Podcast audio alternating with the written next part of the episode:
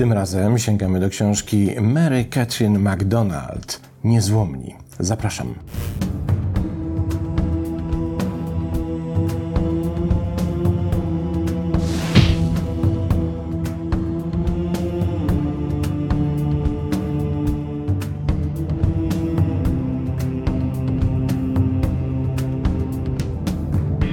Jak zwykle zaczniemy od sprawdzenia, kim jest autorka książki. Mary Catherine MacDonald jest profesorem psychologii, specjalizującą się w psychologii i filozofii traumy. Od rozpoczęcia doktoratu w 2009 roku prowadzi badania, wykłada i publikuje na temat neuronauki, psychologii, życiowego doświadczenia traumy. Jej praca skupia się na krytycznym myśleniu o tym, jak rozumiemy, definiujemy i leczymy traumatyczne doświadczenia. Jej pasją jest destygmatyzacja traumy i ogólnie problemów zdrowia psychicznego, a także przeformułowanie naszego rozumienia traumy w celu lepszego jej leczenia. Opublikowała kilka artykułów naukowych i rozdziałów w kilku książkach, a także dwie książki na temat traumy Fenomenologia PTSD, ukryte duchy traumatycznej pamięci oraz reintegracja weteranów amerykańskich i NATO, trauma izolacji społecznej i przepaści kulturowych. Żadnej z jej książek nie ma w Polsce, nie są znane na polskim rynku, łącznie z tą dzisiejszą. Oprócz pracy akademickiej, McDonald prowadzi dobrze prosperującą firmę zajmującą się wsparciem dla osób z problemami. Od 2010 roku prowadzi klientów indywidualnych i pracowników korporacji oraz stworzyła oparty na pracy z traumą program nauczania dla organizacji non-profit w Nowym Jorku, Virginii i Kalifornii, które pomagają osobom przebywającym w więzieniach oraz weteranom. Książka, do której sięgamy dzisiaj, czyli właśnie niezłomni, reakcja na traumę nigdy nie jest zła, miała swoją premierę w marcu 2023 roku, czyli ma zaledwie 6 miesięcy. No i przeczytajmy pierwszy fragment. Zapomnij o wszystkim, co myślisz, że wiesz o traumie. Większość z tej wiedzy wynika z przestarzałych definicji słabego zrozumienia społecznego i nauki, która została obalona przez nową technologię. Zbyt często myślimy o traumie w kategoriach tego, co się wydarzyło, np. ataku, klęski żywiołowej, poważnego wypadku lub choroby, wojny lub straty. A co by było, gdybyśmy zamiast tego pomyśleli o traumie w kategoriach reakcji, jaką wywołuje doświadczenie? Coś jest potencjalnie traumatyczne gdy przytłacza układ nerwowy na tyle, że uruchamiają się nasze mechanizmy radzenia sobie w sytuacjach awaryjnych. Mechanizmy te mają na celu ratowanie naszego życia i rzeczywiście to robią, jednak w tym celu czerpią energię i zasoby z niektórych innych naszych systemów, w tym tych, które pomagają nam orientować się w świecie i organizować nasze wspomnienia.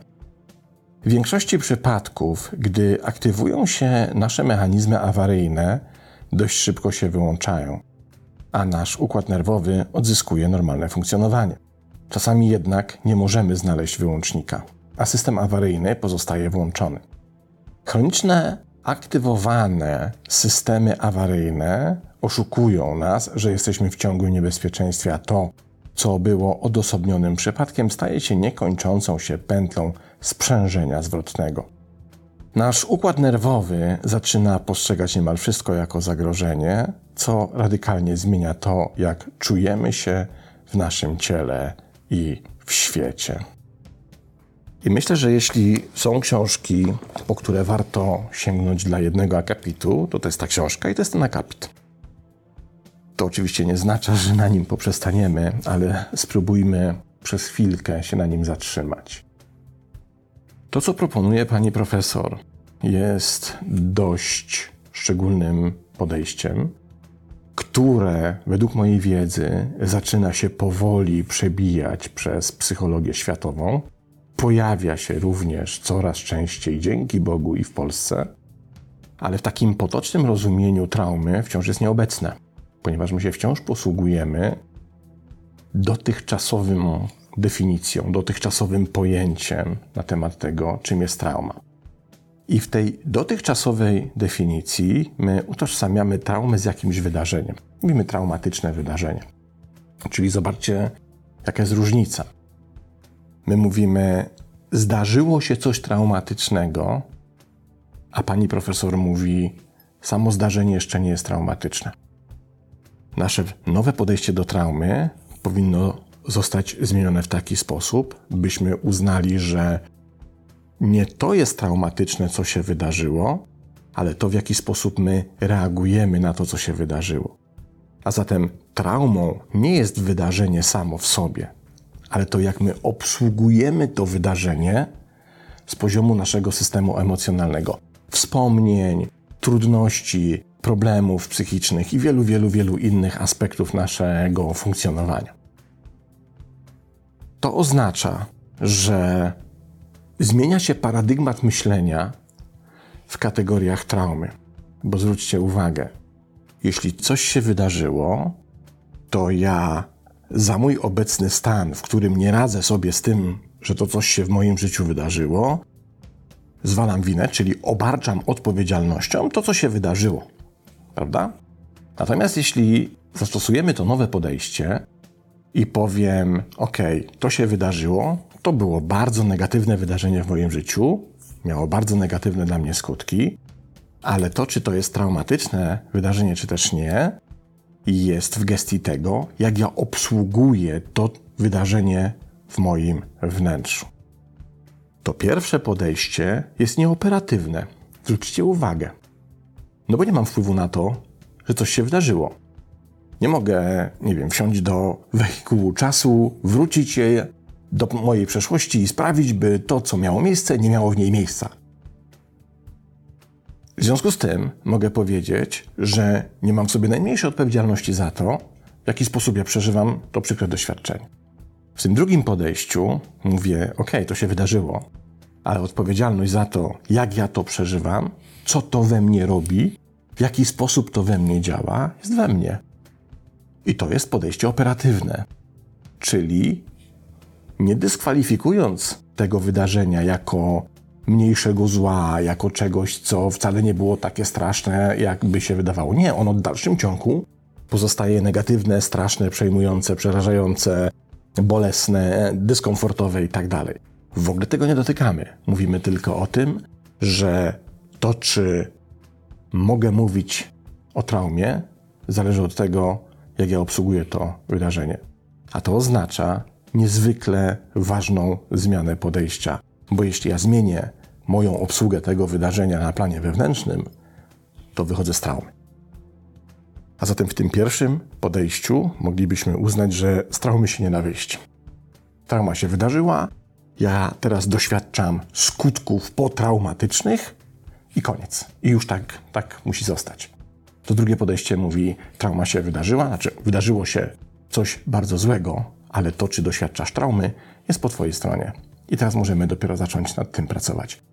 Niezwykle ważne rozróżnienie, które w zupełnie inny sposób ustawia nasze widzenie naszych problemów i tego, w jaki sposób sobie radzimy, czy też sobie nie radzimy z różnymi wydarzeniami z naszego życia. I z tego, co pani profesor pisze, to drugie podejście zaczyna obecnie dominować w naukach psychologicznych i bardzo dobrze, bo za tym idzie dużo większa skuteczność na przykład terapii, kiedy z taką traumą, czy też tym, w jaki sposób my odczuwamy to, co nazywamy traumą, będziemy sobie radzić. Kolejny fragment. Każdy, kto wpisze w Google słowo trauma lub PTSD, czyli zespół stresu pourazowego, to wiemy, znajdzie definicję DSM. Przypominam, DSM to jest klasyfikacja amerykańska zaburzeń psychicznych, która się tak nazywa i co jakiś czas wypuszcza się aktualizację, które jest obecnie w piątej edycji, czyli DSM 5, to właśnie najnowsza aktualizacja tej klasyfikacji. Definicje te kształtują sposób, pisze pani profesor, w jaki postrzegamy traumę i mówimy o niej. DSM jest żartobliwie nazywana Biblią kliniczną, ponieważ wszyscy używają jej jako punktu odniesienia i ponieważ podobnie jak w przypadku prawdziwej Biblii, Interpretacja jej treści jest przedmiotem debaty. Czasem te debaty są tak intensywne, że tworzą frakcje wśród sekt klinicznych, uniemożliwiając wszystkim wykonanie jakiejkolwiek pracy. Obecny wpis DSM dotyczący PTSD określa, że aby można było zdiagnozować, pacjent musi być narażony na traumatyczny stresor. Na pozór ma to sens. Jeśli ktoś nie przeżył czegoś negatywnego, ryzyko, że rozwinie się u niego zaburzenie związane z traumą jest dość niewielkie. Jednak ta wersja klasyfikacji nie mówi po prostu, że trzeba doświadczyć traumy. Określa trzy rzeczy, które zaliczają się do traumatycznych. I są to rzeczywista śmierć lub groźba śmierci, rzeczywiste lub domniemane zagrożenie skutkujące poważnymi obrażeniami oraz faktyczna lub grożąca przemoc seksualna. Trzy rzeczy. Tylko trzy rzeczy zaliczają się do potencjalnie traumatycznych. Można by powiedzieć, że tak naprawdę nie stanowi to problemu, ponieważ jest to jedynie pogląd świata psychologii klinicznej. Myśląc w ten sposób, będziemy w błędzie i to z dwóch powodów. Po pierwsze, jest to problem nawet w obrębie psychologii klinicznej. Jeśli cierpisz z powodu urazu, który nie mieści się w tych kryteriach, i masz lekarza, który dosłownie traktuje definicję DSM, tak jak wielu, ale nie wszyscy, zostaniesz zdiagnozowany i leczony z powodu czegoś innego niż uraz. Jeśli takie leczenie może mieć korzystny wpływ, to jest to korzyść w postaci tego, że zaimprowizowana opaska uciskowa może tymczasowo uratować Twoją kończynę lub życie. Po drugie, te kategorie kliniczne stanowią problem, ponieważ nie pozostają przemilczane w świecie klinicznym. Kliniczne debaty i opinie przedostają się do społeczeństwa za pośrednictwem mediów na więcej sposobów niż można to wytłumaczyć. Inflirtują sposób, w jaki wszyscy postrzegamy traumę i o niej mówimy. Ponadto, nawet jeśli nigdy nie widziałeś wzmianek o zespole stresu pourazowego lub traumie w wiadomościach lub na żadnej platformie mediów społecznościowych, DSM z tym zestawem kryteriów, listą trzech rzeczy, które mogą potencjalnie być traumatyczne, jest pierwszą rzeczą, która pojawia się, gdy wpiszesz PTSD w Google. A to tylko najbardziej bezpośredni sposób, w jaki możemy dostrzec nakładanie się świata psychologii klinicznej i społeczeństwa w ogóle. Powodem, dla którego lista nie została rozszerzona, jest bardzo realna i bardzo uzasadniona obawa. Jeśli rozszerzymy definicję zbyt szeroko, ryzykujemy, że słowo trauma stanie się bezsensowne. Jeśli cokolwiek może być potencjalnie traumatyczne, to trauma staje się po prostu trywialnym aspektem ludzkiego życia, nie wartym już żadnych badań ani naszego zachodu. To jest realne ryzyko. teraz uwaga. Kiedyś podsłuchałam, jak pewna kobieta w Starbucks lamentowała, że w sklepie obok skończył się syrop z przyprawami dyniowymi i że było to dla niej głęboko traumatyczne. Moi uczniowie opowiadali mi z uśmiechem, że doświadczyli traumy zarówno z powodu egzaminów z chemii, jak i złego jedzenia w stołówce.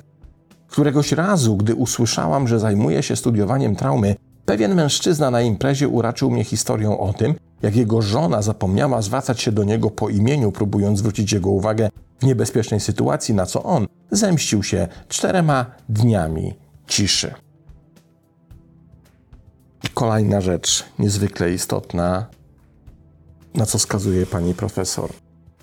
Ponieważ definicja traumy jest tak nieprecyzyjna, co więcej, wciąż bardzo wielu terapeutów, specjalistów, ale też ludzi w mediach, którzy piszą o problemach psychicznych, niekoniecznie będąc specjalistami, posługuje się tak rozmydloną definicją, używając tego słowa, no to termin się bagatelizuje.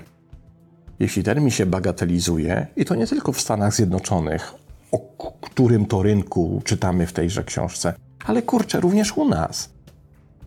Trauma wyziera już z wszystkich możliwych wypowiedzi. Zwróćcie uwagę, co chwilę ktoś miał z czymś traumę. Traumatyczne dzieciństwo, traumatyczne wychowanie, traumatyczne zdarzenie, otwierasz lodówkę, o, trauma. Wszędzie, gdziekolwiek już teraz nie spojrzymy, jest trauma. Jeśli będziemy w taki sposób to traktować, no to obniżamy rangę dyskomfortu tego zjawiska i tego, jak w rzeczywistości jest groźne. My posługujemy się tymi terminami, ponieważ one przeciekają do świata medialnego. I wielokrotnie się tak zdarza, że oto rozmawiają dwie panie dziennikarki ze sobą o określonych y, kontekstach psychicznych problemów, i w tej rozmowie pojawiają się bzdury. Coś, co jest zupełnie nieadekwatne do rzeczywistości klinicznej, a nie tylko klinicznej, w ogóle do rzeczywistości problemów psychicznych, ale ta, ta bzdura jest potem powielana. I myślę, że powinniśmy trochę wziąć na wstrzymanie z tym takim szeroko zakrojonym kontekstem traumicznym i rzeczywiście skupić się na tym nowym podejściu, czyli odejść od mówienia, że to, co się wydarzyło, jest traumą. Bo wtedy rzeczywiście wszystko, co się wydarzyło, co ci nie pasuje, z czego nie jesteś zadowolona, zadowolony, co ci nie podeszło, co zrobiło ci pod górkę, będziesz prędzej czy później nazywać traumą. Pora od tego odejść i zacząć mówić, że traumą nie jest to, co się wydarzyło. Traumą jest Twoja reakcja na to, co się wydarzyło. Jest to, w jaki sposób sobie nie radzisz z określonym wydarzeniem. To, w jaki sposób to, że sobie z nim nie radzisz, w negatywnym znaczeniu organizuje Twoje życie, czyli de facto je dezorganizuje. I ta zmiana podejścia jest kluczowa, byśmy mogli we wspieraniu osób, które borykają się z tego typu doświadczeniami, być po prostu bardziej skuteczni. Spróbujmy przeczytać kolejny fragment. Karmiono nas wielkim kłamstwem społecznym, które mówi, że dalsze cierpienie po doświadczeniu traumatycznego wydarzenia jest czymś, czego powinniśmy się wstydzić. Mówi się nam, że cierpienie po traumie to coś, co należy zachować dla siebie. To przecież oznaka słabości, dowód wielkiej i trudnej do naprawienia wady charakteru. Jest trauma i sposób, w jaki się na nią reaguje. A jeśli nie zareagujesz w sposób automatyczny, nie wymagający wysiłku i błyskotliwej odporności, która sprawia, że inni ludzie czują się komfortowo, to oczywiście ponosisz porażkę. Jesteś porażką. Niestety kłamstwo to ma długą historię i jest zakorzenione w rozwoju badań nad traumą na przestrzeni dziejów psychologii klinicznej.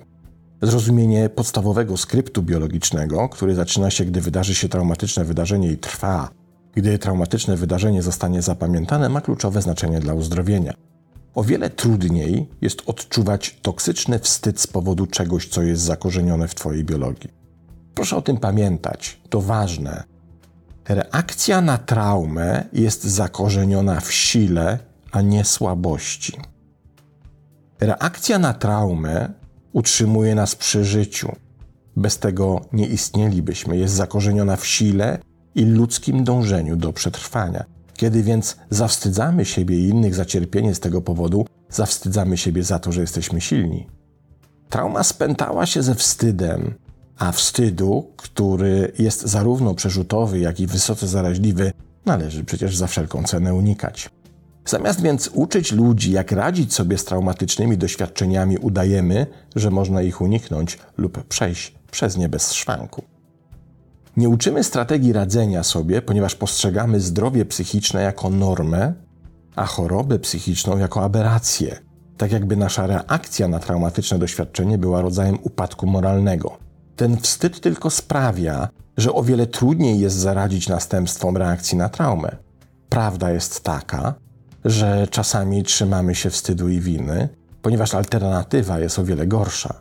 Jeśli doświadczyłeś przemocy czy doświadczyłaś przemocy na tle seksualnym i uważasz, że jesteś temu winien czy winna, temu co się stało, wierzysz również, że masz kontrolę nad zapobieganiem przyszłemu zdarzeniu, przyszłym napaściom. Jeśli to była Twoja wina, możesz temu zapobiec w przyszłości. Jeśli to nie jest Twoja wina, musisz zaakceptować, że bycie człowiekiem oznacza narażenie na krzywdę. Jeśli to nie Twoja wina, drogowskaz z napisem Złe rzeczy zdarzają się tylko złym ludziom należy zastąpić drogowskazem z napisem Na świecie istnieje bezsensowne zło.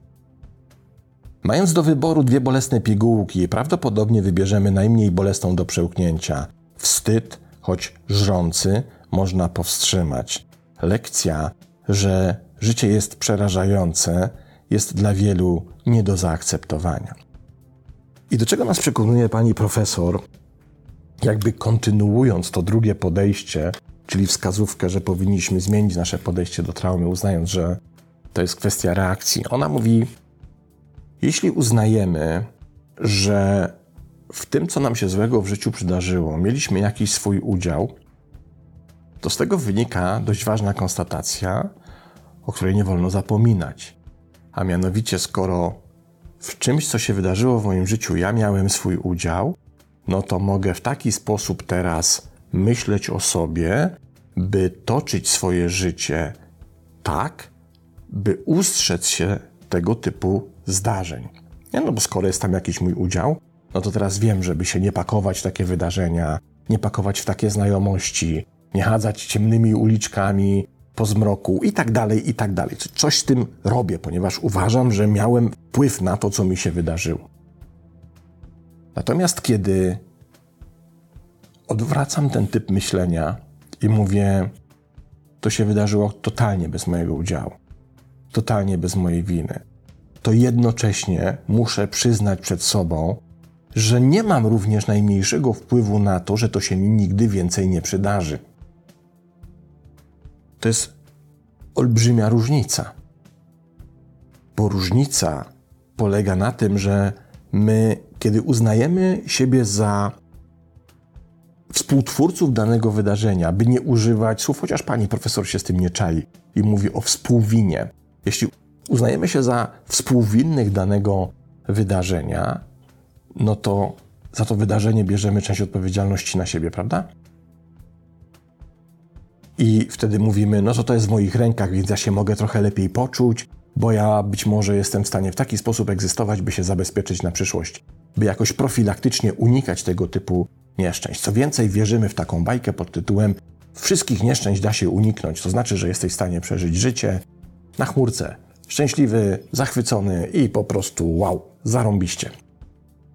Natomiast kiedy nie biorę za to odpowiedzialności i mówię, tam nie było mojej winy, to się wydarzyło dlatego, że byłem w złym miejscu, w złym czasie, ze złymi ludźmi i zdarzyło się wiele różnych innych rzeczy, które to spowodowały, to jednocześnie, jak nie biorę za to odpowiedzialności, to muszę przed sobą przyznać, że taka rzecz może mi się przydarzyć, że życie jest obiektywnie czasem dla mnie złe.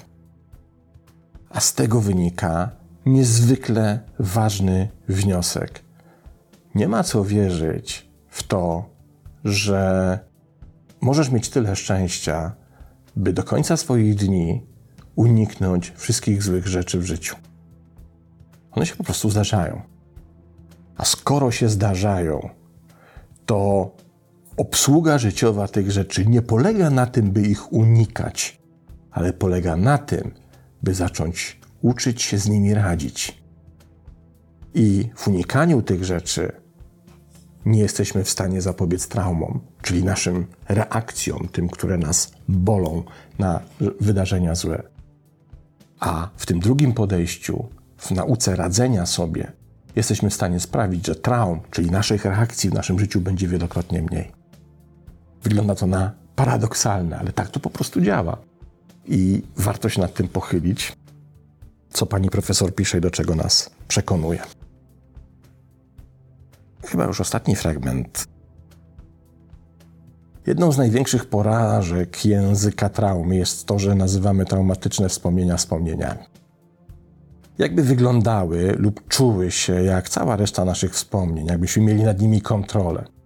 Traumatyczne wspomnienia nie są wspomnieniami, są to przykłady niechcianego i nieproszonego ponownego przeżywania. Kiedy pamiętamy, mamy kontrolę poznawczą, mamy dostęp do części naszego mózgu, które potrafią myśleć racjonalnie i chociaż możemy odczuwać niektóre emocje związane ze wspomnieniami, zazwyczaj możemy je odłożyć, kiedy zajdzie taka potrzeba. Z drugiej strony, przeżywanie na nowo nie jest czymś, co robimy, to jest coś, co nam się przydarza. To przenosi nas z powrotem w czasy traumy. Ofiary traumy uczą się tej okropnej sztuczki jednoczesnego zajmowania dwóch czasowości, gdy przeszłość i teraźniejszość przełączają się niczym bliskie i dalekie widzenie. Tego rodzaju przełączanie może wyglądać zabawnie w filmach science fiction, ale może sprawić, że nasze życie będzie dosłownie piekłem. Moja ulubiona definicja traumy pochodzi od Williama Jamesa, który powiedział, że te psychiczne urazy najlepiej postrzegać jako ciernie w duchu. Traumatyczne przeżycie nie jest po prostu urazem, który pozostawia siniak. Traumatyczne przeżycie przenika duszę, jak cień róży. Coś istotnego odrywa się od doświadczenia i boleśnie zagnieżdża się w psychice. Podobnie jak cierń w skórze, ten psychiczny kolec należy wyciągnąć, wydobyć, a ranę trzeba opatrzyć. Jeśli nie nastąpi ekstrakcja i pielęgnacja, uraz po prostu pozostanie obecny. Może nawet otoczyć się, ropieć, zainfekować i grozić przejęciem całego systemu, niezależnie od tego, jak mały był, kiedy po raz pierwszy przebił Twoją duszę. Ciało reaguje na cierń lub drzazgę, wywołując reakcję zapalną. Być może na początku nie zauważymy drzazgi, ale zauważymy stan zapalny, pulsowanie, ciepłą w dotyku skórę i sączącą się infekcję. To, że te objawy nie są przyjemne, nie oznacza, że są nieuzasadnione lub że są oznaką naszego załamania. Są przeciwieństwem. Organizm inicjuje te reakcje, aby przetrwać. Robi to, bo jest silny. W podobny sposób ciało rozpoczyna wyrafinowaną reakcję na ciernie ducha. Robi to, żeby przetrwać. Robi to, bo jest silne. Jeśli nie czujemy się zawstydzeni i słabi, gdy nasze ciało reaguje, chroniąc nas przed fizycznymi cierniami, to dlaczego mielibyśmy czuć się zawstydzeni i słabi, gdy reaguje na duchowe cierpienie? Wielkie kłamstwo społeczne głosi, że nasza reakcja na traumatyczne doświadczenia musi być szybka, schludna i niewymagająca wysiłku. A jeśli tak nie jest, powinniśmy się wstydzić. To kłamstwo jest szkodliwe pod wieloma względami, ale szczególnie dlatego, że zbyt często uniemożliwia nam zwrócenie się o pomoc do innych. Co więcej, nasze zbiorowe niezrozumienie reakcji na traumę w połączeniu z przestarzałą kliniczną definicją traumy oznacza, że kiedy zwracamy się do ludzi, do których się zwracamy, często nie są oni w stanie nam pomóc lub nas wesprzeć. Zamiast tego, ich pomoc jest w najlepszym przypadku nieprzydatna, a w najgorszym szkodliwa, co wzmacnia kłamstwo, że nasza reakcja na traumę jest oznaką naszego wstydu, naszej słabości, naszej porażki. Prawda jest taka, że rozpoczynając proces uzdrawiania, podejmujemy decyzję o podążaniu ścieżką na całe życie. Na tej ścieżce są chwile paniki, chwile integracji, chwile, w których nieoczekiwanie i nieproszone pojawiają się stare wspomnienia. Uzdrowienie polega na leczeniu pamięci, leczeniu układu nerwowego i leczeniu sposobu, w jaki się komunikujemy. Chcę, pisze na koniec pani profesor, żebyście zabrali z tej książki sześć rzeczy. Pierwsza to świadomość, że z czymkolwiek się zmagasz, nie jesteś sam. Drugą jest zrozumienie, że nasze reakcje na traumatyczne doświadczenia są automatyczne i ochronne oraz, że wskazują na naszą wewnętrzną siłę, a nie oznakę słabości czy nieporządku. Trzecia to łaska przebaczenia sobie tego, po co sięgnęliśmy z desperacji i przytłoczenia. Nie możemy wyzdrowieć, jeśli nie odłożymy wstydu. Czwartą jest świadomość, że możemy przeprogramować nasze mózgi i zaprosić nasz układ nerwowy do doświadczeń bezpieczeństwa i połączenia, nawet jeśli przez całe życie czuliśmy się niebezpiecznie odłączeni. Piątą jest lepsze zrozumienie sposobu, w jaki możemy uzdrawiać i uzdrawiać siebie nawzajem poprzez uczenie się, jak rozpoznać i zapewnić relacyjne schronienie dla tego, co jest dla nas nie do zniesienia. Szósta dotyczy radości, małych radości. Myślę, że czasami nie rozumiemy skali rzeczy, zakładamy, że wielkie, duże problemy wymagają wielkich rozwiązań. Że gdy smutek staje się ogromny, nasze szczęście musi urosnąć do tej samej wielkości, aby mu przeciwdziałać. Te założenia są błędne. Wystarczy czasem po prostu mała radość. To tyle. Oczywiście książka jest y, bardzo obszerna, zawiera wiele ćwiczeń, wiele pomysłów na to, jak radzić sobie z konkretnymi reakcjami na traumę, ale myślę, że warta naszego czytelniczego zachodu nawet jeśli miałoby się okazać, co jest prawdopodobne, że nigdy nie zobaczymy tej książki w polskim tłumaczeniu. Warto sięgnąć po jej anglojęzyczną wersję, bo zmienia nasze podejście do traumy. To tyle. Pozdrawiam. Do następnego razu.